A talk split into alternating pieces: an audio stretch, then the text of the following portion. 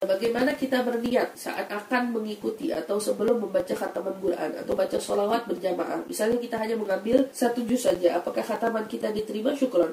Menjadi khataman bil jamaah. Khataman berjamaah bersama-sama. Kita dapat bagian pahala yang ada di situ. Pastinya orang yang berjamaah dalam mendapat bagian pahala ini sama orang yang sendiri beda. Kalau ada orang khataman sendiri, ya pahala yang dia dapat lebih banyak daripada orang yang hanya ngambil satu juz. Tapi dapat nggak pahala khatam? Dapat pahala khatam bil jamaah. Tabaruk, ngambil keberkahannya.